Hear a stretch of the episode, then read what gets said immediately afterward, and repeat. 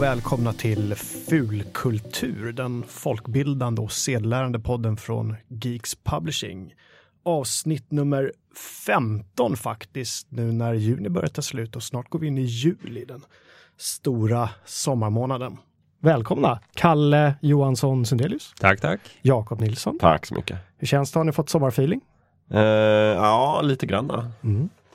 Inga semestrar för er ännu. Jag hade tänkt mig att Eh, det skulle vara en stridström av medarbetare som skulle komma in i studion och uh, ge sina bästa sommartips. För det är det det här avsnittet uh, handlar om. Våra bästa fulkulturtips inför, häng, inför hängmattan eller för kulverten om man hellre sitter där. Uh, nu visar det sig att de flesta är på semester så att liksom, det blir vi tre. Det var inte den här kavalkaden av Nej. gäster som du Nej. tänkte Jag tänkte liksom konfetti och glad stämning och Lite så att man skulle ringa upp folk som faktiskt var på semester och tvinga dem att vara med och tipsa också. Men det blev, jag vet inte. Det Du var så här- bara upp taget när vi ringde. Ja, jag inte vad som hände där riktigt. Men jag tror att det kommer gå jättebra och vi kommer ju tipsa om ehm, eh, böcker och kanske filmer och tv-serier och allt det här. Vi har liksom valt ut godbitar. En del för, just för att vi tycker de passar extra bra på sommaren och en del bara för att de är väldigt, väldigt bra. Mm. Lite personliga favoriter kan man säga. Personliga favoriter. Det är inget uppsamlingshit utan liksom lite crème de la crème. Mm. Jag tycker det är väl inga konstigheter. Vi kan väl sätta igång direkt, eller? Absolut. Ja, det skulle tycker du börja Kalle? Eh, ja, eh, jag är ingen jättestor podcastlyssnare egentligen. Eh, jag, jag började väl sent lyssna på podcast. Eh, och det här var en podcast som jag upptäckte för eh, ja, bara några månader sedan som heter Welcome to Night Whale. Jag försökte få dig att lyssna på den Jocke, men du- det var inte riktigt din, din kopp te. Eh, men det, det är ju en, en podcast som är, det, det är en radioteater egentligen, eh, enkelt, enkelt förklarat. Eh, och det baseras på eh, en, en radiopratare som sitter och har sin, sin radioshow i den här staden Night Vale, någonstans ute, i öknen i den amerikanska öken. En väldigt liten, så här, gemytlig stad, och, men ganska snart så inser man att det är någonting som inte stämmer i den här stan. Eh, han beskriver till exempel en, en dog park, en, en, en hundgård, där inte hundar får vara, utan det bara smyger omkring mystiska figurer i huvor.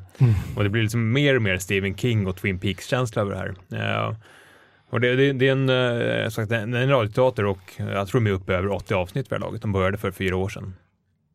Eh, eh, och det, det kanske skönaste är att det, det är inte speciellt långa avsnitt, de är ungefär 15 minuter. Så att det är ingenting som man behöver investera jättemycket tid i varje gång. Man kan sätta på ett avsnitt när man ska, är på väg att somna eller man bara, bara har en liten stund över och liksom verkligen föras in i den här Ja. väldigt mystiska, konstiga världen.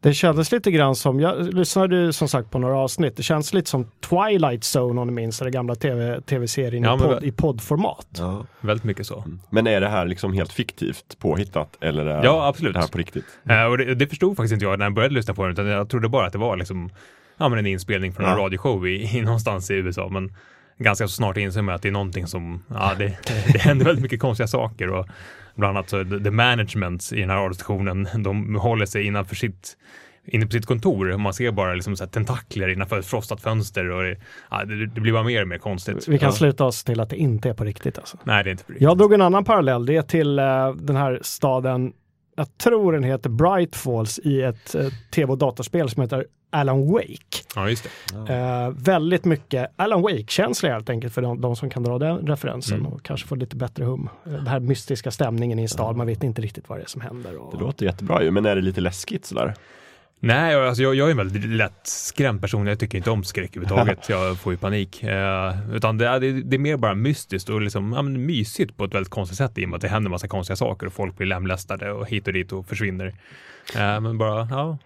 Spännande, men du sa radioteater, är det liksom också då, det är olika skådespelare i den eller är det bara en? Nej, det är egentligen bara han som- Cecil då som, det, som, som det, berättelsen utgår från. Han sitter ju då i sin radioshow och liksom, ja men återger vad som har hänt i staden det senaste Det är som lokalradio, Ja, men lokal- okej, lokalradio. Det låter ju bättre, för när du säger radioteater tänker jag spontant på liksom sommarlovsteatern med.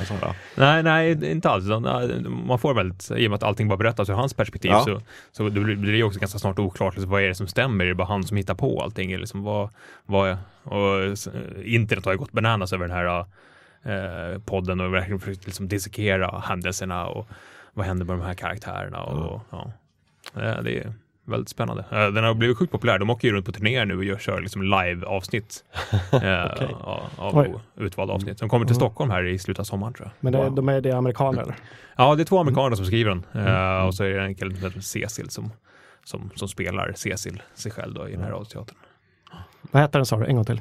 Eh, Welcome to Night Vale. Welcome to Night Vale. Ja, det låter ungefär sådär. Uh. Det Vi, finns- vi länkar ju till det här. Vi länkar ju till allting vi pratar om i fulkultur. Så under där ni hittar poddar eh, finns det länkar. Mm. Ja, det var mitt första tips. Spännande. Vad har du då Jakob? Ja. Vad vill du öppna med? Jag öppnar med lite fiktion här också. Eh, en tv-serie faktiskt och en bok. Mm. Samma liksom verk. Men det är en, The Man in the High Castle. Åh, The High Castle talas om. Ja. Eh, det är ju från början så är det ju en av mina absoluta favoritböcker. En eh, alternativ historieberättelse av eh, allas vår Philip K. Dick. Gamle, gamle avdankade sci-fi författaren. Eh, som det handlar då om ett, ett alternativt, en alternativ värld där nazisterna vann andra världskriget. Och eh, halva USA är ockuperat av nazisterna, nämligen östra halvan. Och sen västra halvan är ockuperat av japanerna. Taskigt läge. Ja, verkligen. Och sen så är det någon däremellan så finns det ett ingenmansland i bergen då, där liksom det är ganska laglöst och sådär. Och sen så, men den är otroligt välgjord och, eh, och, och spännande och intressant. Och just boken eh, handlar mycket om både så här, nazismens eh, psyke, man kan prata om det, och liksom ideologi och också jämförelsen då mellan de här båda japanernas och eh, nazisternas ganska auktoritära styre. Men också skillnaderna däremellan. Får jag gissa att tv-serien är lite mer lättsmält? Sen har de gjort en tv-serie och den Ja. är lite mer lättsmält. Ja, förlåt, du Ja. nämnde inte ens tv-serien eller? Nej, jag gjorde det. Jag sa det från början. Eh, Ja, att det var en tv-serie också. Men, men Tänkte den, jag spoilade din Ja. grej här. eh, och den var så här, den har ju varit på gång i flera, flera år och det varit liksom, den lades ner och sen så bytte de bolag och sen så till slut så blev den av på Amazons eh, webbtjänst, vad den nu heter, Amazon Prime eller någonting. Mhm. Och jag tror det var en samproduktion med BBC. Eh, men den är faktiskt riktigt, riktigt bra, även tv-serien. Även om den skiljer sig på lite viktiga punkter då från, från boken. Den är, den är lite mer lättsmält, och, eh, men ändå liksom riktigt spännande. Väldigt snygg, suveräna skådespelare. Ehm, jättebra stämning. Och, eh, ja, Mm. Jag tror det, det är bara tio avsnitt. Tror jag. Men det kan, jag tror det kommer en eh, säsong två också.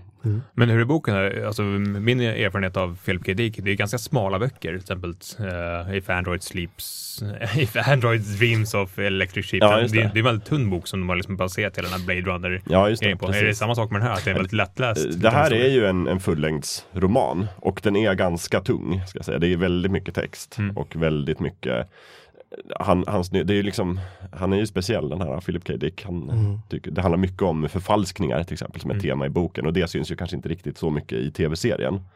Ehm, men eh, den är liksom, ja, det är väldigt svårt att beskriva den. Men Mm. Den Vad- handlar egentligen inte så mycket om själva kriget och vad som hände. Utan det handlar mycket om, det nu spelas ju under liksom 1960-talet när kriget redan är över sedan länge och det handlar mer om, om själva styret då under nazismen. Eh, men ja, det är mitt tips i alla fall. Var hittar man den? Finns det på Netflix eller HBO? Eh, eller? den är nog, jag tror att den har getts ut på DVD och Mm. Blu-ray och sådär. Annars så, om man inte är amerikan så kan det vara svårt att hitta den på den här Amazon Prime-tjänsten. Mm. Men den har blivit så populär och den vann mycket priser och så, så jag tror att den kommer att dyka upp på eh, säkert SVT Play inom kort eller sådär. Men jag tror att den går att köpa på välsorterade videobutiker. Ja, om inte annat får, får, eh, om, om, får ni beställa från Amazon någonting. Det hinner väl fram, eh, ni får sätta eh, landstället som, eh, som boxadress eller någonting. Ja, precis. Eh, Eller sätta upp en amerikansk adress och en proxy och. Um, klassiska dilemmat, ska man läsa boken eller ska man se serien? Jag tycker att man kan gott se filmen om man tycker att boken är lite otäck. För de skiljer sig ganska mycket åt. Jag tror man kan, gillar man tv-serien så kan man nog försöka se på boken sen. Mm. Men även om man försöker läsa boken och inte gillar den för att den är lite sådär torr stil och så, så tror jag att man skulle uppskatta tv-serien. Grymt. Ska jag köra då kanske? Ja. Jag har ju en, eh, en eh, film eh, som mitt första tips eh, som säkert många av er har, som lyssnar har sett redan. Eh, men det här är en film som jag brukar kanske plocka upp var femte, var fjärde år och, och se på igen för att jag tycker att den är så fantastiskt bra. Och den passar väldigt bra in på sommaren också.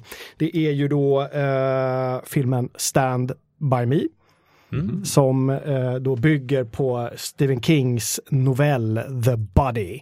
Oj. Som är en del av en sån här eh, samling som heter Sommardåd och vinterdåd. Eh, Stand By Me utspelar sig någon gång på, eh, jag tror det är på 60-talet, det är Stephen Kings egna ungdomsår som man inte återberättar, men jag kan tänka mig att det är mycket nostalgi och sånt där.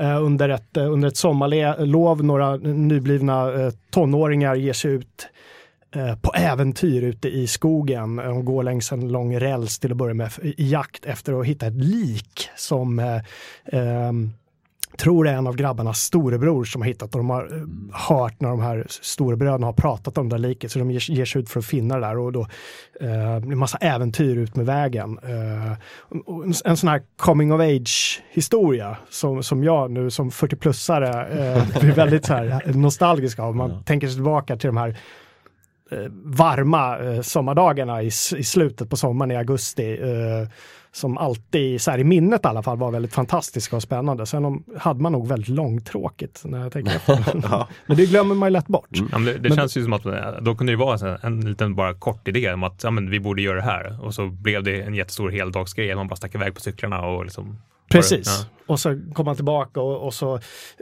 filmen slutar, kan jag säga utan att spoila egentligen, men den slutar med att de skiljs åt och sen är det en berättarröst eh, som säger så ja, sen gled vi mer och mer ifrån varandra och bla bla bla och det, hela den där grejen. Så det, det är lite, lite sorgsam också ja. på samma gång. Men den är, den är suverän. Har man inte sett det så måste man verkligen göra det. Man kan även läsa uh, novellen såklart i den här samlingen. Det finns massa andra gött i den där Stephen King uh, Sommardåd, vinter, vinterverk. Eller, ja, sommardåd alltså.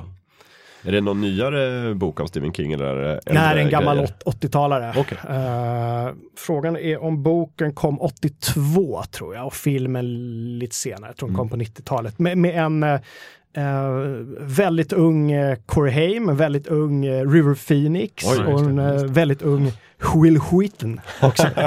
okay. uh, och en till kille som jag inte kommer ihåg vad han heter mm. i huvudrollen. Uh, Kiefer Sutherland är med också som är en av de, uh, de store brorsas uh, elaka kompis tror jag det uh, Väldigt kul. River Phoenix som gick bort tragiskt. Mm. Motorcykelolycka eller knark. Eller något. Kul parallell, han Will Wheaton känns som en liten nörddarling. Han har ju blivit det mm. med åren. Han har också varit med och, och skrivit eh, några avsnitt till den här podden som jag pratade mm. om. Uh, Welcome to Night Vale. Oh. Så han känns som att han är liksom inne och pillar ganska mycket nördiga saker. Mm. Han har väl etablerat sig som någon sorts medianörd sådär. Ja. I, på Twitter och i allt. Vi kommer ju köra ett specialavsnitt eh, bara om Stephen Kings eh, verk framöver. Bara om, bara om Will Wheaton. Och, bara om Will Wheaton. Nej. Um, men när det kommer vet jag inte riktigt. Ja, men uh, stämmer mig. Jag kan inte komma på om jag har sett den här Stand By Me eller inte. Den låter väldigt bekant när ja, du berättar om den. Om inte annat så har du hört låten som är i soundtracket som är ah, just Stand By Me. When the moon Jaha, det är därifrån? Ja, den är okay. därifrån. Jag ska kolla på den igen i sommar. Jättebra sommartittning. En så här ljummen sommarkväll mm. sitter man och tittar och reminissar tillbaka till, till barndomen. Kul. Ja, eh, mitt andra tips blir ju att eh, plocka upp eh, serietidningar antingen då i fysisk form eller eh, via min favorittjänst Marvel Unlimited. Eh, jag, jag, tror inte jag tipsade direkt om det här när vi pratade Marvel, utan eh, men det är 33 eh, serietidningar som heter då Superior Spiderman. Um, och de börjar egentligen i, i, i de sista uh, serietidningarna i uh, The Amazing Spiderman. Jag tror att det är nummer 698 eller någonting där uh, i, i, slutet där. Och det, det bygger ju både att Doc och Dr. Octopus, en av Spidermans största nemesis, han lyckas lura Spiderman och på till sin dödsbädd ta över Spidermans kropp.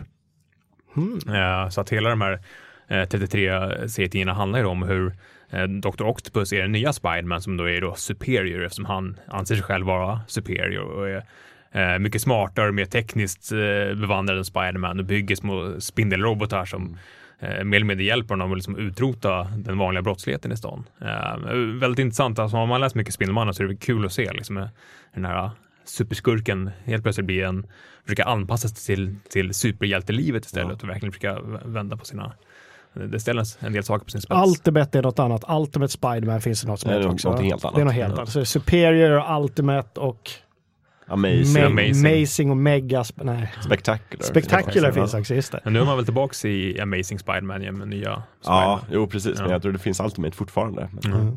men den här tjänsten, Kalle, för, för de som missade vårt uh, Marvel-avsnitt, kan du inte berätta lite, lite ja, det, grann där? För den är ju ett, eh, perfekt på sommar. Ja, ja det, det är som ett Spotify för uh, Marvel-tidningar. Mm. Och där infattar ju allt från uh, X-Men och Fantastic Four och även nu Star Wars. Um, så att uh, jag tror du har tillgång till över vad är det, 20 000 serietidningar eller någonting sånt. Uh, och du betalar 9-10 dollar i månaden. Mm. Uh, och du kan även då ladda ner serietidningar och ha offline. Jag tror att det är 12 stycken du kan ha offline samtidigt. Så att du kan liksom ta med din, din surfplatta ut i hängmattan även om du har täckning och liksom bläddra igenom massa serietidningar. Jag hade det förra sommaren jag tror jag snittade på 5-6 seriealbum per kväll. Eh, Hur funkar det nu för tiden? Det var länge sedan jag gjorde men att ligga, ligga utomhus dagtid och läsa på platta. Hur, hur går det? Det beror på vilken platta man har. Ah. Senaste iPad, hur mycket, hur mycket iPad, pengar man lägger? Ja, iPad-modellerna har ganska bra så här, de har någon beläggning på skärmen som att gör att det funkar hyfsat. Ah. Äldre, inte lika enkelt. Ah. Ah, jag körde på en Nexus 7 förra sommaren och det är en ganska billig platta, mm. 7 tum. Det gick alldeles utmärkt. Annars är det här dra en filt över huvudet. Precis. Knepet funkar alltid. Det blir väldigt varmt när det är 27 grader. Nej, men det jag gillar det, det är att det är just det är ett begränsat antal nummer. Du behöver inte läsa 100 nummer för att få mm. liksom hela den här story arken. Du läser de här 33 mm. tidningarna, sen är mm. klar. Liksom. När jag hörde talas om den här uh, Superior Spiderman så tyck, tyckte jag att det lät jätte, jättedåligt. Mm. Just för att, åh nej, nu ska de liksom få in Dr. Octopus istället som Spindelmannen. Men sen när jag läste den så tyckte jag faktiskt att den var riktigt bra. Mm. Just för att det är väldigt spännande att se just hur, hur han anpassar sig till att vara en superhjälte plötsligt. Mm försöker jämföra sig med sin gamla fiende. Precis. Men just att den är begränsad också. Mm. För det sa de ju inget om när de marknadsförde den från början. Att, utan det här är en stor förändring. Och mm. så var det bara 33 nummer, vilket var lite skönt. mm. Om man är ute och, och, och, bilar i Sverige och åker förbi någon kiosk kanske när man hör här. Vilka tidningar är det som finns att köpa idag? Så här, finns på så här, bensinstationer och sånt. Det var en bra fråga. Och man blir lite sug man blir lite ja, taggad och inte ha en platta. Jag vet inte, men jag skulle tro att du kan köpa en surfplatta på bensinmacken. Ja, det, det, det kan du göra. Ja, ja. Uh, nej, jag, jag, vet faktiskt inte, men X-Men lär ju finnas. Det, det finns väl inga svenska utgåvor längre av Marvel-tidningarna, utan det är väl eventuellt de amerikanska. Ja. Mm.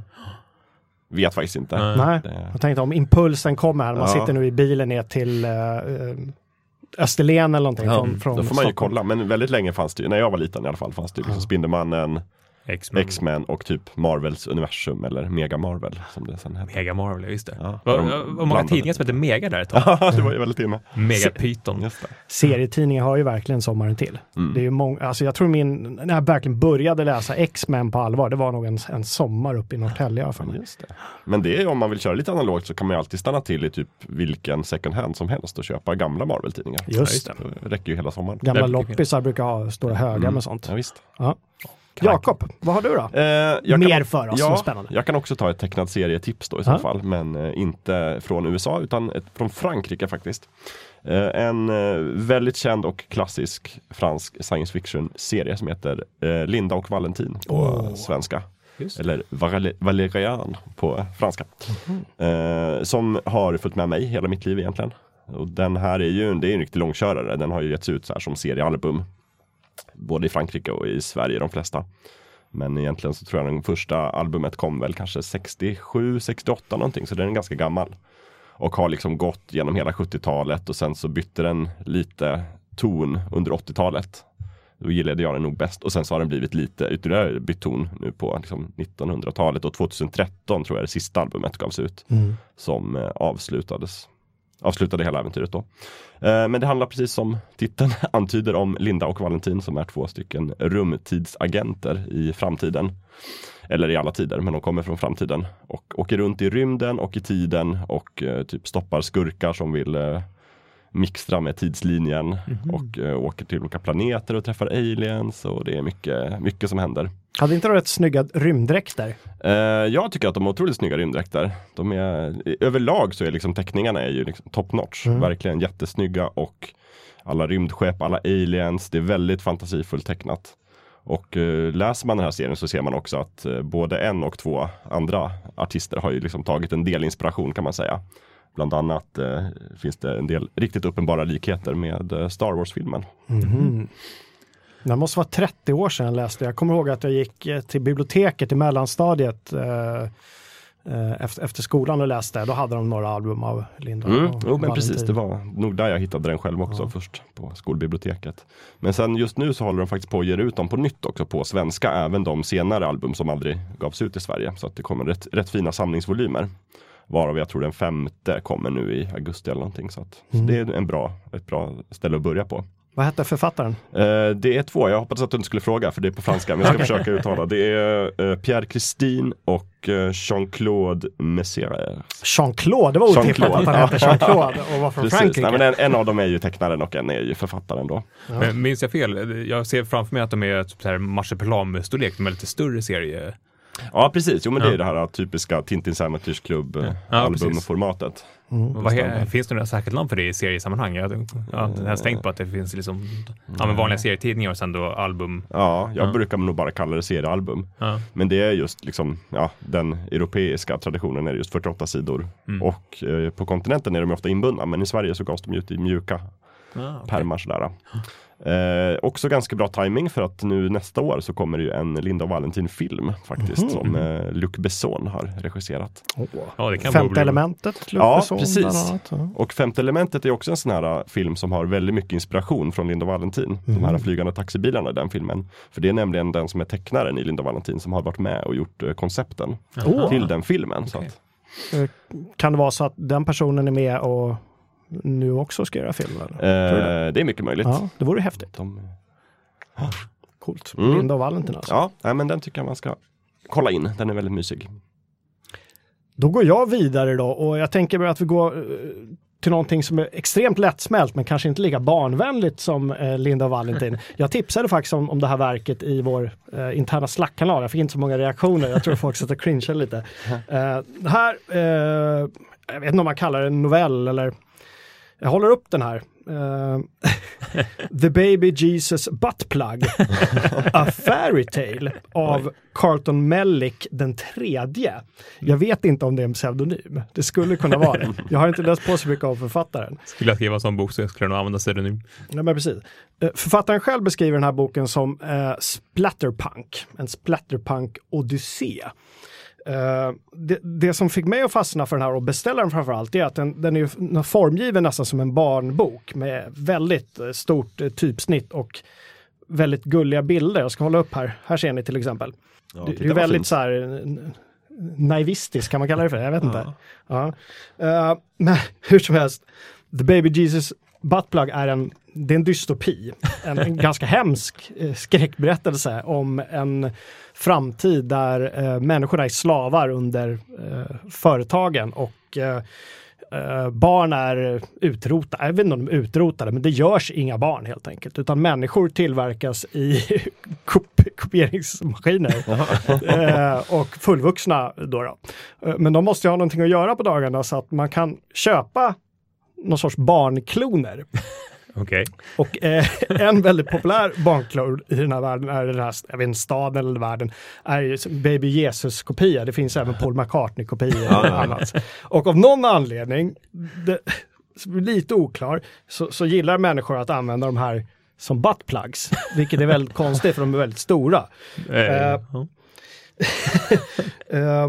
Eh, eh, ett ungt par köper då en sån här eh, Baby Jesus just för att använda som uh, buttplug. Men den här eh, Baby Jesus-klonen då vänder sig emot sina ägare.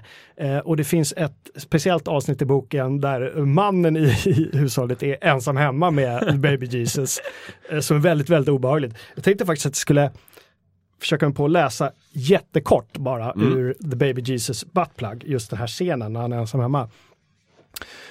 Ska vi varna känsliga lyssnare? nej, det är inte, inte så Inte grovt. så, okej. Buttplug typ, och anal kanske de säger någon gång. Det grövre än så blir det inte. Eh, den är på engelska, så ni får, ah, min engelska är vad den är. I have been avoiding the baby Jesus all day today. It's my day off and I was supposed to be spending it in relaxation, but I'm scared to death of that unnatural thing. Mary went to her sister's house and left me alone with Bobby. De kallar Bobby. If anything happens to it, I'll kill you, Mary said to me and went on her way. But all I can think about is breaking its head open with a rock. I don't want to take care of it. I don't want to, I don't want anything to do with it. It's been crawling after me all afternoon, making horrible gurgle noises to me. I think it's trying to get inside my butthole. Mm. Men alltså, du, alltså, man köper alltså barn som, som lever? Nej, det är någon sorts, det är inte riktiga barn, det är någon sorts eh, tillverkade kloner av vad de tror barn var förr. Okej, kanske. så man, man har glömt bort hur barn var och sen, Ja, och sen stoppar man upp dem i rumpan. så det finns det finns liksom inget pedofilt i den här Nej, det låter ju boken. väldigt Ja, bisarrt. jag, jag förstår det, men på något sätt måste man sätta sig in i hans eh, sk- skruvade värld för, att- för att haja. Ehm, ja, jag vet inte. Det, det, det känns ju som, som en bok som, man, som motiverar ett köp av sådana här bookcover som var så populärt idag. Att man skulle ha ett, ett, liksom ett litet fodral runt boken så att man inte visade Ja, vad man läste det, för precis. någonting. Ja, ja. Det är kanske ingenting man tar upp på lokaltrafiken. Nej, det roliga var att eh, jag önskade ju den här av min, eh, av min sambo, men jag tror till och med att det var hennes föräldrar som beställde den via Amazon, som var väldigt roligt när den kom upp. En recensent här på baksidan av boken säger så här att eh, reading Carlton Malik III's Baby Jesus Buttplug is like uh, hopping into an LSD-filled time machine with David Cronenberg, William Burroughs, J. G. Ballard, Philip K. Dick and George Romero Oj. at the controls. Så det kanske är en liten aning. Den är väldigt skruvad, men den är ex- extremt kort och typsnittet är som sagt, sagt jättestort. Den är 92 sidor, så att det är lättsmält. Men bra tips. Ja, Så här eh, hängmatteläsning. härligt. Kalle då, vad har du mer? Eh, då fortsätter jag med, med lite tyngre läsning. Eh, i, i, är inte att det är jobbigt att läsa, utan det är The Pythons, autobiogra- autobiography of, of the Monty Pythons.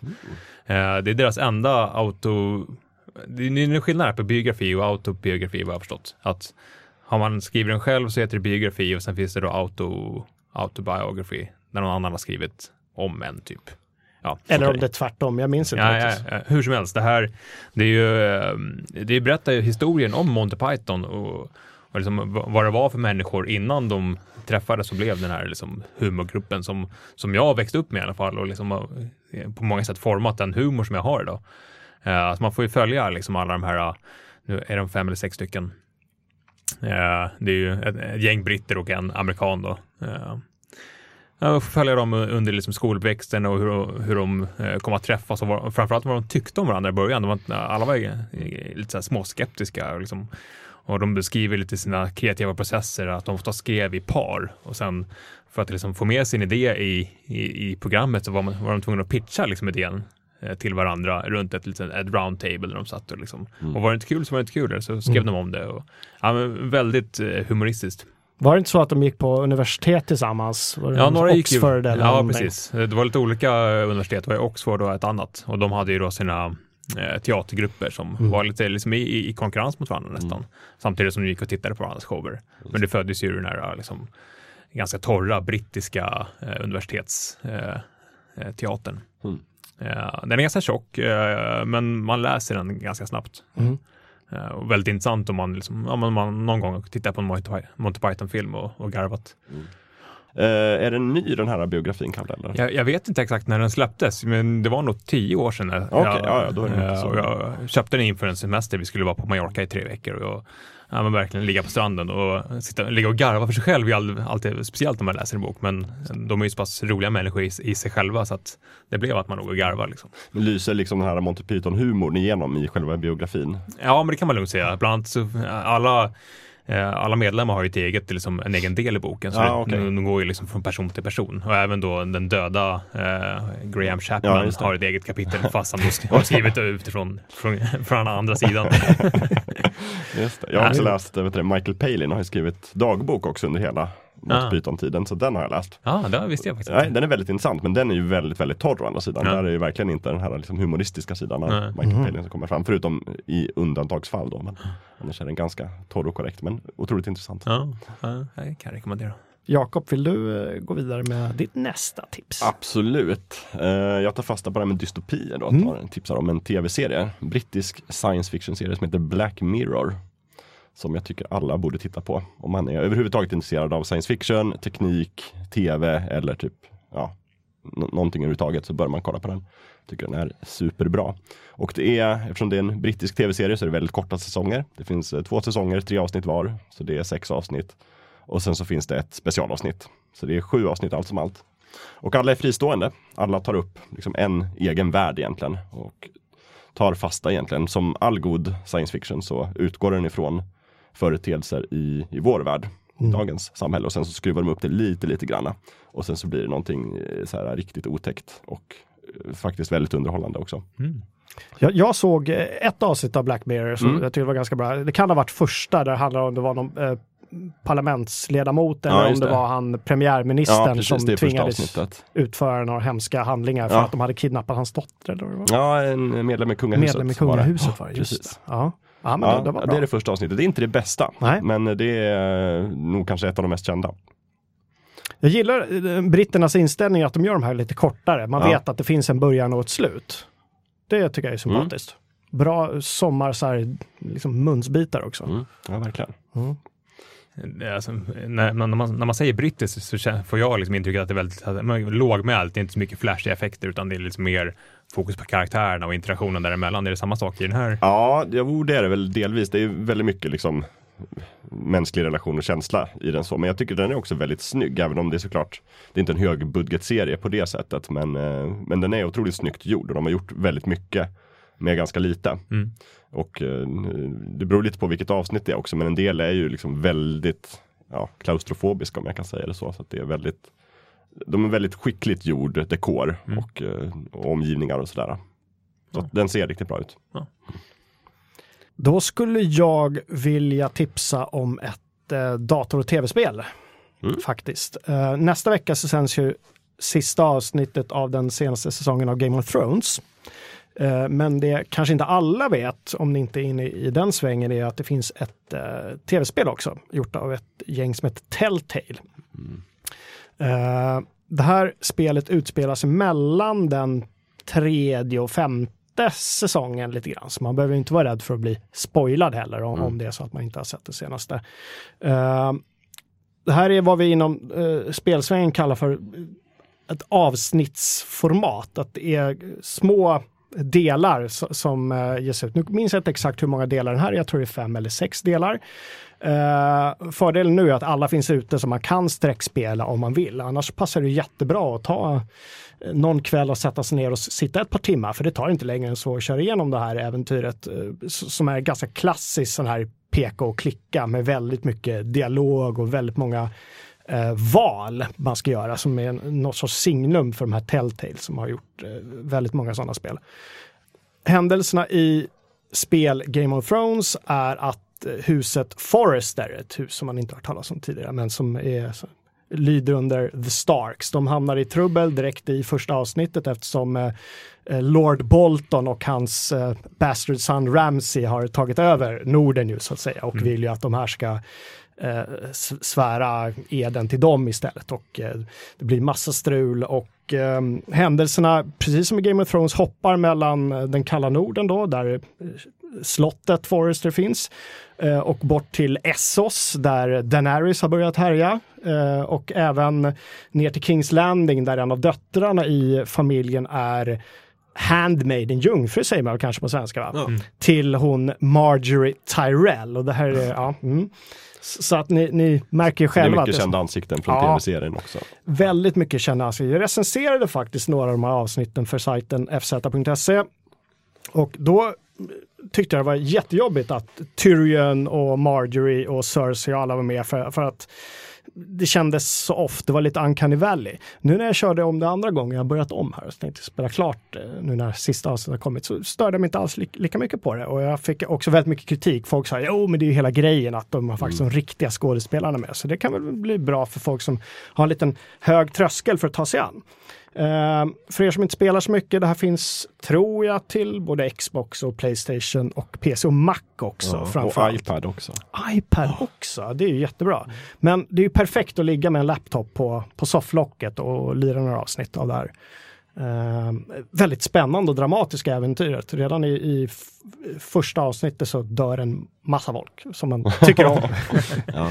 eh, i sann eh, Game of Thrones-anda. Så det kan jag rekommendera. Mm. Bra sommarspelning.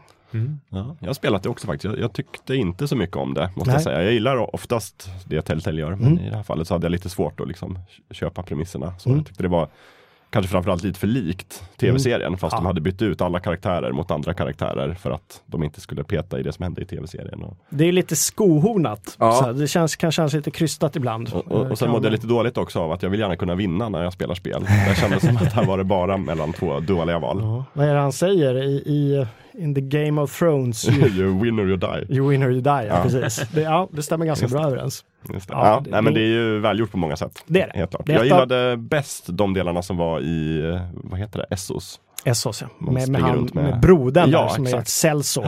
Han var skön, tycker jag. Ja. Kalle? Eh, jag tänkte tipsa om en liten dokumentär eh, som heter Reformat the Planet.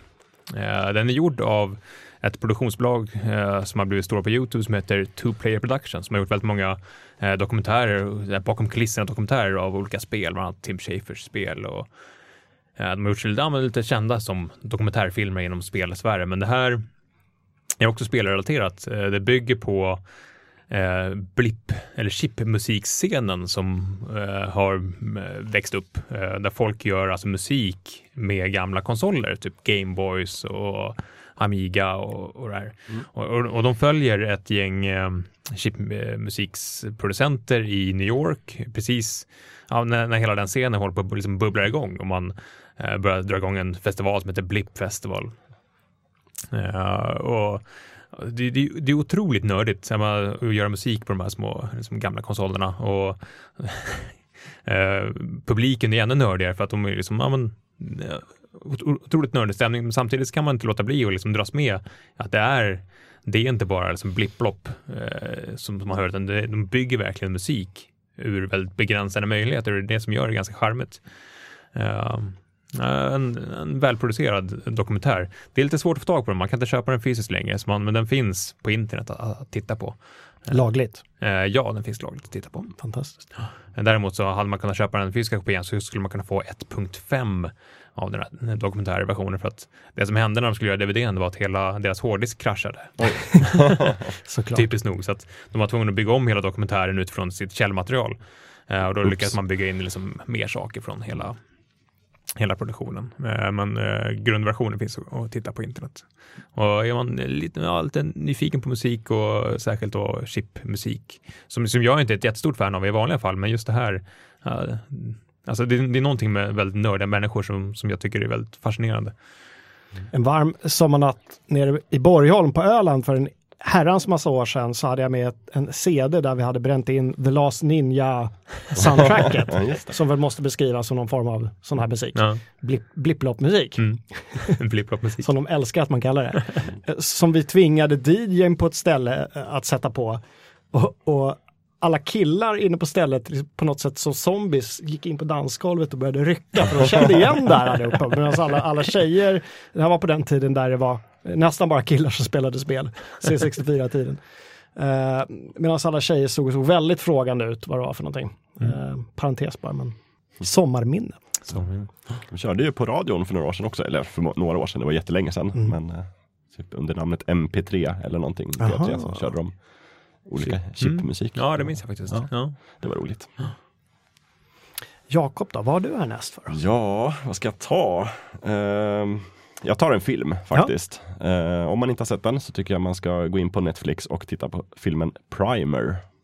Som är en riktig lågbudgetfilm från eh, 2004. Men den är otroligt välgjord. Mhm. Den, men den är liksom känd för att den hade så otroligt låg budget. Jag tror det var 7000 dollar eller någonting. sånt där. Men det märks inte i... Ja, oh, visst märks det, men den Ja. är ju gjord utifrån sina begränsningar. Så det är egentligen bara liksom ett väldigt begränsat antal skådespelare och det är liksom inga specif- fantastiska miljöer eller någonting Mm. sånt. Men den passar otroligt bra till temat och jag ska inte avslöja för mycket om handlingen. Men, men det är en tidsresefilm Mm. och den är jätte, jättebra och eh, ganska så här, skruvad. Man ska nog se den en fyra, fem gånger om man ska hänga med i allt. Liksom.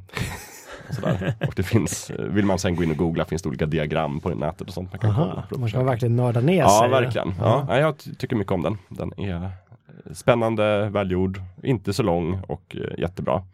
Passar bra om det regnar någon sommarkväll och så kan man sitta och krypa Ja. upp i soffan och titta på den här. Ja, just det. Ja. det ska regna nu på midsommar säger de, åtminstone i Ja. Stockholmsområdet. Så det blir perfekt Just för det. primer. Ja. Ja.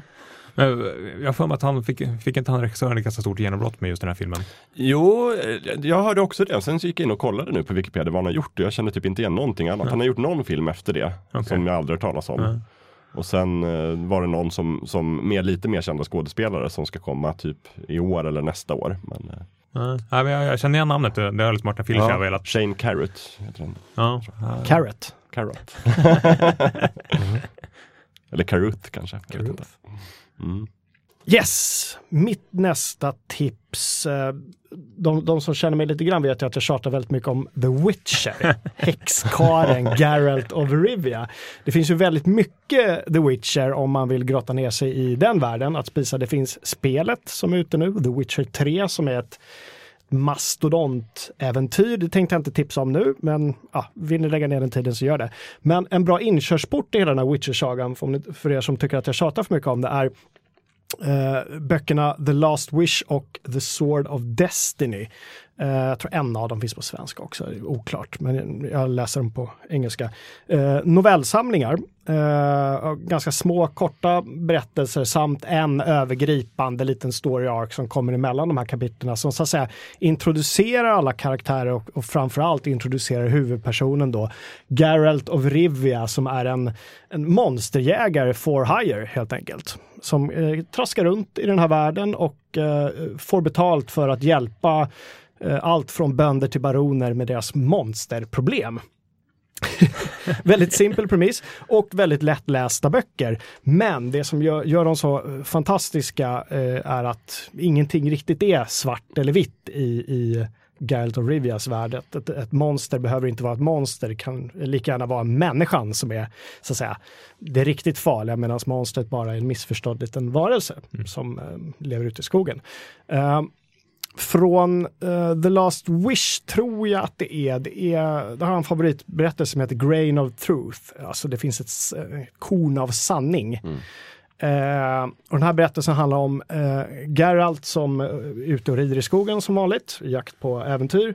Eh, och stött på en flicka där som springer bort bland träden och till slut kommer Geralt in till ett, eh, någon sorts herrgård, en mansion, eh, övergiven in i skogen och eh, i, i, det här, i den här herrgården så lever monstret Nivellen. Oj. Eh, som efter mycket om och men, efter att ha försökt skrämma bort Geralt, bjuder in honom i alla fall och de sitter och pratar eh, länge och väl över, över många koppar vin eh, i det här visar sig magiska huset. Den här nivellen kan få huset att göra precis vad han vill och man får liksom fördjupa sig i det här monstrets historia och till slut så visar sig både det ena och det andra att saker inte riktigt är som, som det ska. Men det är en jättebra introduktionsstory för den här världen och visar väldigt mycket av Geralts psyke. Eh, den här bokserien är skriven av en författare som heter Andrzej Sapkowski, en polsk författare. Kan man polska så kan man med fördel köpa de polska böckerna. Annars funkar de engelska bra. Svenska har jag som sagt inte läst, kan inte svära på hur översättningarna är. Men jättebra eh, inträdesport och sen kan man spela alla de här fantastiska spelen såklart.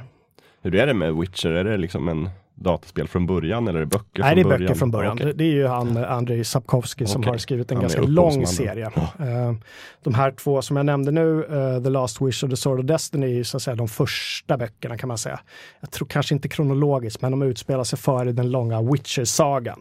Sen kommer spelen då senare. Eh, Rättigheterna köptes av ett polskt företag som heter CD Projekt som började göra spel. Det finns tre spel i den, i den serien som utspelas efter böckerna. Så att säga. Så att, eh, hett tips. Geralt Häxkarlen. Häxkarl. Kul. Eh, du pratade ju förut om Stand By Me som var en sån här sak som du återvänder till ganska, ja, men, liksom återkommande i alla fall. Eh, och ett spel som jag väldigt ofta återkommer till det är ju eh, de första Doom-spelen. Det var ju liksom spelen som verkligen ja, men förde in mig i, i, kanske inte i spelandet i sig, för jag hade ju spelat Super Mario och sånt innan, men just i liksom actionspelen och första persons skjutare som är en passion jag har. Eh, och jag, I många år så spelade jag igenom Doom eh, och Doom 2 liksom nästan årligen för att ja, men jag tycker att de är väldigt underhållande. Eh, men nu har jag släppt någonting som heter Brutal Doom. Oj. Eh, det stora dragplåstret är egentligen att eh, spelet blir mer brutalt, men det är inte riktigt därför som jag har behållning, utan det är att eh, det ingår massa nya banor som är då skapade av fansen. Så att, eh, det enda man behöver är då Doom Shareware som är gratis och så laddar man in den här modden så kan man spela liksom ett en helt, helt gäng nya Doom-banor som är väldigt välgjorda. Mhm.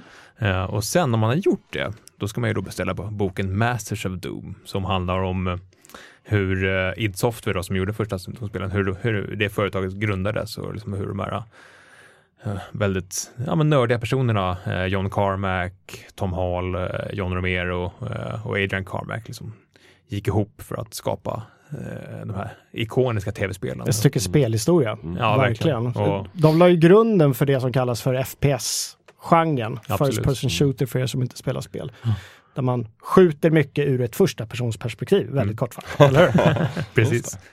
Mm. Och det gör mig verkligen dum. Men äh, boken är intressant för att det, det, det, som hände var ju att äh, John Romero slutade ganska tvärt efter andra domspelet, han, eller Quake snarare. Uh, och liksom vad, som, vad som låg bakom det här och liksom deras konfl inre konflikter. Ja. Liksom. Idag är det ju så att uh, uh, John Romero och de här, de, de umgås ju fortfarande och John Romero är aktuellt med ett nytt spel tillsammans med andra gamla id Software-rävar medan då John Carmack, geniet bakom spelmotorn, han, liksom, excentriska geniet, han, han, han och John Romero pratar inte ens fast det var liksom 20 år sedan de skildes åt. Så att, är det är en, en bra liten biografi över, över id Software. Ja, det låter spännande, jag har inte läst den. Doom var ju föremål för på, på sin tid när det kom en eh, dåtidens moralpanik, precis som med hårdrocken och eh, våldsfilmerna. Ja, Doom fick ju på något sätt symbolisera allt som var förkastligt och fördärvade ungdomen. Så att eh, har man svårt för spel så kan man ha den ingångspunkten när man läser mm. och tittar och spelar. Hur, om, om man är lite obekant, kan man, hur laddar man ner det här? Då? Hur, var köper man det här?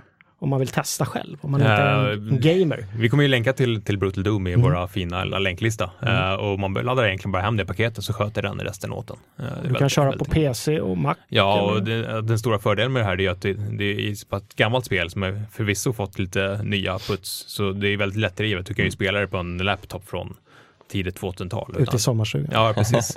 Där jag har en gammal laptop från tidigt 2000-tal. Jag ska mm. spela Brutal Doom på. Uh, så väldigt, väldigt lättdrivet och liksom, jag använder det här spelet för att verkligen rensa skallen. Om man ja, men haft en stressig dag på jobbet. Så man, det enda man gör, liksom, ja, man skjuter väldigt mycket och sen är man helt blank sen. Mm. en, en reboot av hjärnan helt enkelt. Det ska jag testa. Här i Fullkultur så eh, tjatar vi inte om att man måste ge sig ut i solen och bada hela, hela sommarlovet eller semestern, utan det går lika bra att sitta i sin lilla grotta och mm. spela Doom. Mm. Hade du något mer Jakob för oss? Ja, då. Oh, ja. ja. Eh, men jag kan ta en till då, apropå spelhistoria. Uh -huh. Så tar jag, jag vill också tipsa om en dokumentär faktiskt. Eh, nämligen en dokumentärfilm som heter The King of Kong. Mm. Just det. Och handlar om eh, ja, arkadspelet Donkey Kong eller rättare sagt en, eh, en kille som heter eh, Steve Weeb och hur han försöker slå liksom världsrekordet i Donkey Kong mot sin eh, rival Billy Mitchell. Det är en, det, dels är det en jätteintressant dokumentär om, om liksom just arkadspelet. Och, mm. Men ännu mer intressant för att det handlar ju om de här ganska sorgliga personerna som typ, han sitter i sitt garage och viger liksom hela sitt liv. Han blir arbetslös och så viger han hela sitt liv åt att försöka eh, slå rekordet i Donkey Kong. Mm och lite grann uh, runt omkring honom. Han får barn till exempel. Men det, man, det framkommer inte riktigt i filmen att han ger så mycket uppmärksamhet åt sitt barn. Utan han sitter mest där och, och spelar Donkey Kong. För att liksom vinna det här rekordet. När snackar vi tidsmässigt? Var jag, inte jag tror den är kanske från, jag vet inte, 2000-talet någon gång skulle jag vilja säga. Men, uh. men det är Eh, men är det, jag har för mig att jag har sett det arkadmaskiner de spelar på. Då, ja, det är det. Precis. Det, det, är liksom det ursprungliga arkad Donkey Kong som ja, är föremålet för exakt. hela tävlingen. Mm. Precis. Och sen är det just den här liksom spännande rivaliteten mellan de här två karaktärerna. den här Billy Mitchell då, som är den dominerande liksom, världsrekordet. Han, han, han beter sig som om han vore värsta superstjärnan och liksom går omkring i dryg och han är liksom kungen i arkadhallen. Mm. Fast han är alltså liksom... De har ja. rätt sköna frisyrer har jag för mig, ja. båda två. Ja. Och en av killarna, det kanske är han Billy Mitchell då, mm. påminner väldigt mycket om den här eh, huvudpersonen i tv-serien Eastbound and Down. lite. Ja. Eller hur? Det är lite den inställningen han har, fast han är en, liksom en så här arkadnörd. Då. Mm. Jag tror faktiskt att den här går att hitta på Youtube eller något sånt där. Mm. Annars så finns den nu lite på olika ställen. Jag, tror, jag ska gräva upp den så ska jag länka den i länklistan. Men ett tips i alla fall, The King of Kong. The King of Kong alltså. Jag uh, rusar lite vidare med ett, uh, ah, jag tar väl ett spel ja. nu när vi ändå är inne på spelspåret. Uh, Kentucky Route Zero är ett äventyrsspel, ett indie äventyrsspel. Uh, och med indie menar jag utgivet av uh, tillverkarna själva och mm. skapat med och få personer med ganska låg budget. Uh, Kentucky Route Zero är ett peka klicka-äventyr av ganska klassiskt snitt. Det som skiljer sig från andra peka klicka-spel är väl att dels finns det inget tal, det är rent textbaserat trots att det är ett relativt modernt spel. Eh, men det, det, är en, det är en art direction som är fantastisk och det är en stämning i spelet som är fantastisk. Allt från musiken till hur de målar upp eh, ett sorts mystiskt Kentucky där eh, lastbilschauffören Conway ska leverera varor och han letar väl efter en genväg nästan, den här mystiska då Route Zero som är från titeln. Uh, och man får följa honom och hans hund som man, som man själv kan döpa faktiskt och göra sitt eget namn mm. på. Uh, genom den här uh, väldigt stiliserade världen och han det, det, är en drömlik stämning. Jag skulle vilja säga lite, lite Twin Peaks stämning där också faktiskt. Lite Mulholland Drive stämning över hela grejen. Mm. Lite, lite obehagligt men ändå mest mysigt och väldigt fint. Också sån här episodbaserat äventyr så att man kan ta sig an Ehm, ett avsnitt och sen så kan man gå och bada eller göra någonting annat. Och så. Uh, till skillnad från Game of Thrones så är inte den här serien avslutad än, så det är ett ytterligare avsnitt som ska komma. Men uh, Kentucky Route Zero finns också på, jag spelar på Mac, så det finns på Mac och PC. Oklart om det finns på någon platta, det vet jag inte. Det känns ju ibland som att man, när man säger indiespel, då får folk för sig att det är ganska liksom, otillgängligt, att det är liksom, ja, men, att det inte är så, det kanske är någon knasig styrning eller någonting, men hur, liksom, det här är ändå ett Alltså på, på, ett sätt är det lite svårtillgängligt för att det är så abstrakt, för att det är ganska konstigt och man kanske måste verkligen vara avslappnad och, och försöka komma in i den här världen. För det är inte det här klassiska, gå dit, gör det, prata med den, utan det händer konstiga grejer. Mm. De har liksom tagit ut svängarna på det sättet på, på ett sätt som kanske inte en, en stor eh, kommersiell eh, utvecklare hade gjort. Nej. För det är lite för konstigt för det. Men rent gränssnittsmässigt så är det inte alls svårtillgängligt. Det är väldigt lätt och man pekar och klickar sig fram helt enkelt. Är det nytt? Är det från i år eller är det några år? Nej, för, första delen kom för många år sedan. Nu vågar jag inte säga när, men de har hållit på väldigt, väldigt länge. Okay. Men de ger ut regelbundet eller är det liksom Nej, liksom försenat nu? Du sa att det ska komma nya delar. Jag tror inte det är försenat, men de sa nyligen att de fortfarande jobbar på den sista Aha, delen okay. i alla fall. Så okay. det, är, det, men det är en del kvar? Det, jag komma. tror att ja. det är en del kvar. Jag får mig att det är del fem eller sex som ska komma. Det är lite oklart där. Det skulle vi kunna googla nu, men det, det gör vi inte. Nej. Uh, men ja, Just det. Jag blir alltid lite orolig när det är så här, inte avslutat och så ska det komma och de lovar att de jobbar. Och så. Absolut, men, men det känns, jag har spelat, jag har inte spelat klart det, jag tror jag har kört tre stycken och det okay. känns som att var, varje del är näst, inte fristående, men man kan njuta av den på sitt sätt. Uh, en väldigt skön och mysig upplevelse. Perfekt för, för sofflocket. Mm. Kalle, har du något mer eller?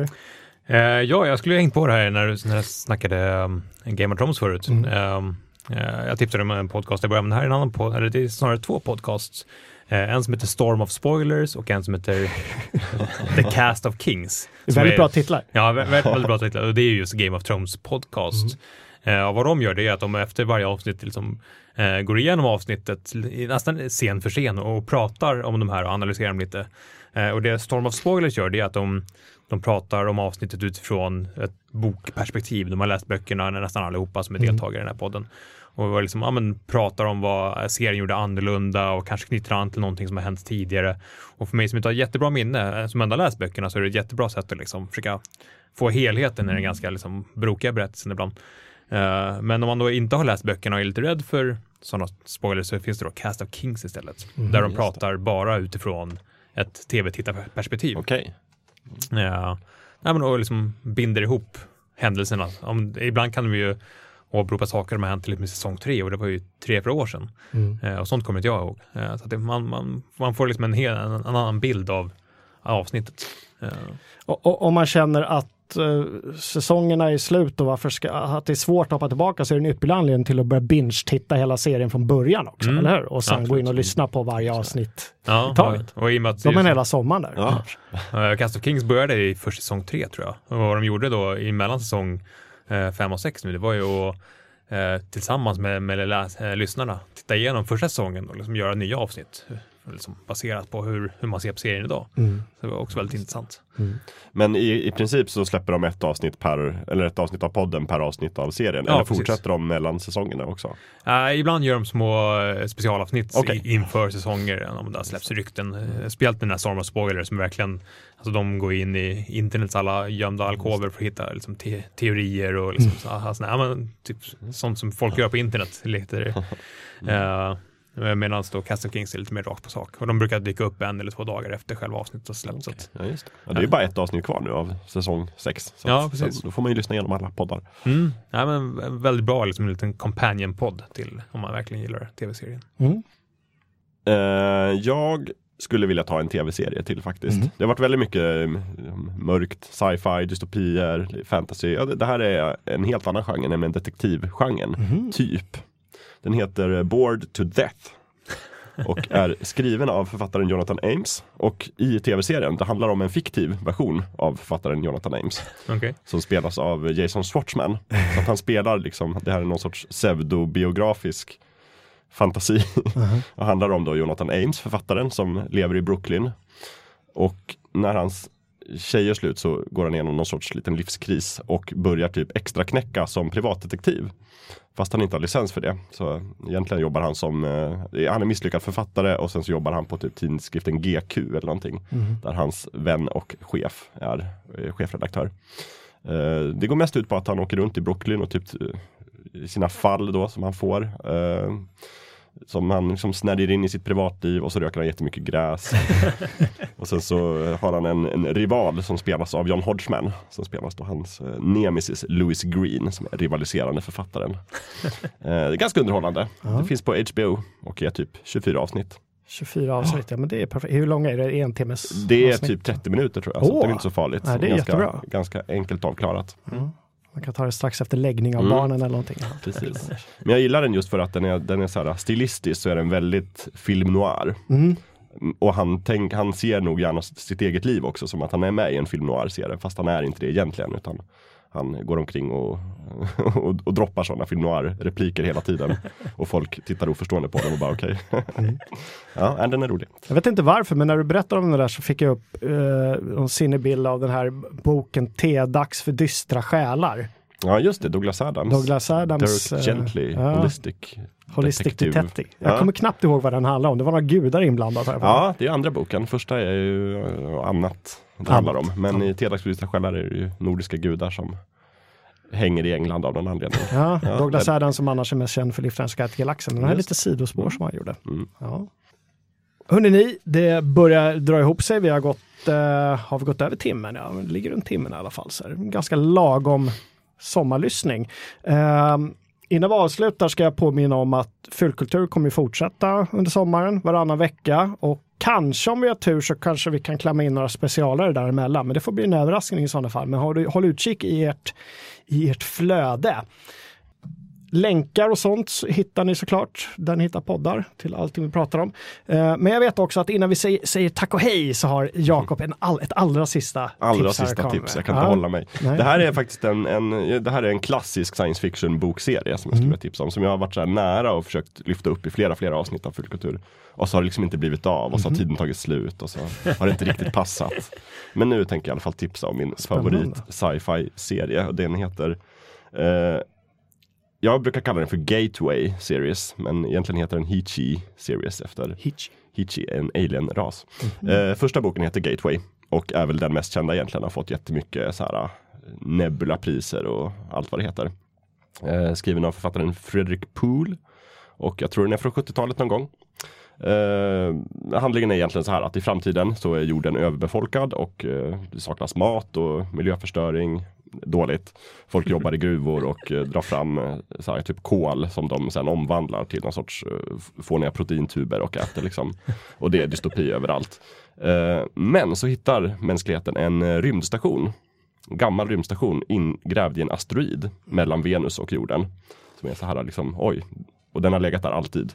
Och sen så åker de dit och sen så hittar de typ en hel lång rad, alltså hundratals rymdskepp. Oj. Förprogrammerade för att ta sig till olika delar av, eh, av universum. Och åker liksom med hyperrymdshastighet. Eh, och de lyckas överhuvudtaget inte lista ut hur de här skeppen styrs eller hur de fungerar. Eh, så det enda de kan göra är att åka dit och sen, då kan man liksom köpa en biljett så kan man åka till Gateway som det heter. Eh, utbilda sig lite och sen kan man sätta sig i ett rymdskepp, trycka på några knappar och åka iväg. Och har man tur så hittar man någonting som man kan ta med sig tillbaka och sälja och få jättemycket Men pengar. det, det går att komma tillbaka? de En del kommer det, tillbaka. Jaha, en Alla del, kommer ja, ja. inte tillbaka. Så att uh, har du tur så kommer du tillbaka. Ofta så hittar du ingenting utan det bara åker någonstans, en förprogrammerad tur och sen kommer du tillbaka. Och har liksom kanske har gjort lite mätningar då som du kan sälja till någon vetenskapsmän och få Mm. någonting för. Har du jättetur så hittar du en gammal liksom, bas eller någonting annat då. Och har du otur så hamnar du mitt i en stjärna eller kommer bara aldrig, aldrig tillbaka. Är det lycksökare och äventyrare då som ger sig iväg på det här? Eller? Precis, Ja, så är det. Så, att, så första boken egentligen handlar bara om lycksökaren Robinet. ja. eller Robin som han kallas, som eh, liksom av en händelse vinner han på Lotto och liksom lyckas ta sig dit.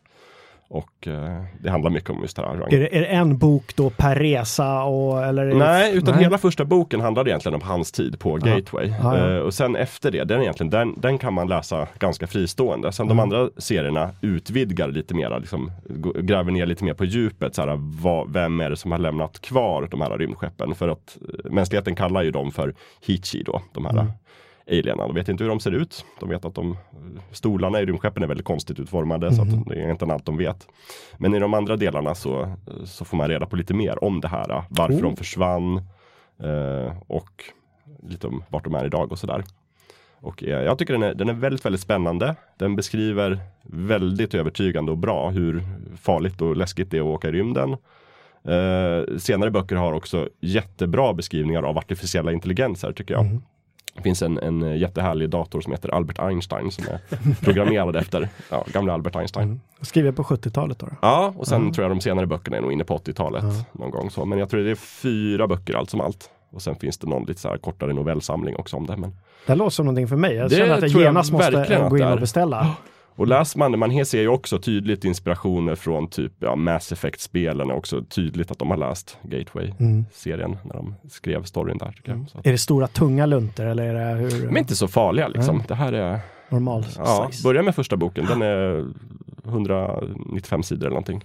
Gateway. Gateway. Jag känner spontant att det började klia sådär att vi måste göra till sånt sci-fi litteratur. Ja, det var ju det jag funderade på om jag skulle spara det här till det som jag visste skulle komma. Men nu har jag liksom Ja. droppat det här. Att, Ja, men det, det kan få vara, du kan tipsa om det nästa gång också. Absolut. Ibland upprepar vi oss i fulkultur. Det är helt okej. eh, jag läste den här serien när jag var liten. Men jag har också nu, bara förra året, lyssnade igenom dem som ljudbok. Oh. Och kunde konstatera att de var faktiskt riktigt bra ljudboksversioner. Så det är också ett Mm. alternativ om man ska ut på cykeltur eller någonting i sommar. Ja, eller ligga i hängmattan är fantastiskt. Jag Mm. kommer ihåg att jag lyssnade på, om det var någon av Game of Thrones-böckerna som ljudbok någon sommar. Fantastiskt. Mm. Det är perfekt. Man ligger och så somnar man till lite grann och sen så. Ja, ljudböcker Ja. är bra på sommaren. Jag måste lära mig att göra det. Jag tycker alltid att, att det går för långsamt. Man, man läser ju mycket snabbare än man läser Du kan själv. ju snabba upp Ja. hastigheten. Då får du ingen känsla i och för sig. Nej, nej, precis. Nej, jag måste bli bättre på att lära mig lyssna på ljudböcker. Gateway får bli det eh, sista tipset i den här sommartips-specialen som jag tyckte jag fick jättemånga bra tips. Mm, jag jag, har redan en massa hemma så jag vet inte riktigt hur jag ska hinna med. Men det är som vanligt fulkultur, vi tipsar om mycket mer än vad vi kan spisa. Och det är väl lite grejen också, att man själv ska kunna välja och vraka lite grann som man vill. Sen var vi inne på att vi skulle vilja se era tips också. Så har ni liksom en liten lista på kanske tre till fem eh, saker så skicka in dem som ett meddelande på vår Facebook-sajt som heter Fullkulturpodden.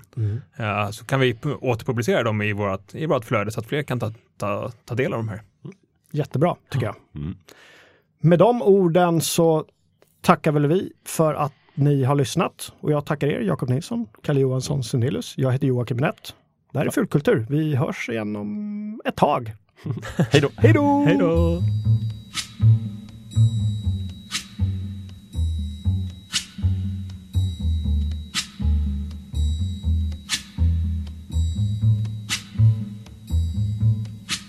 When the night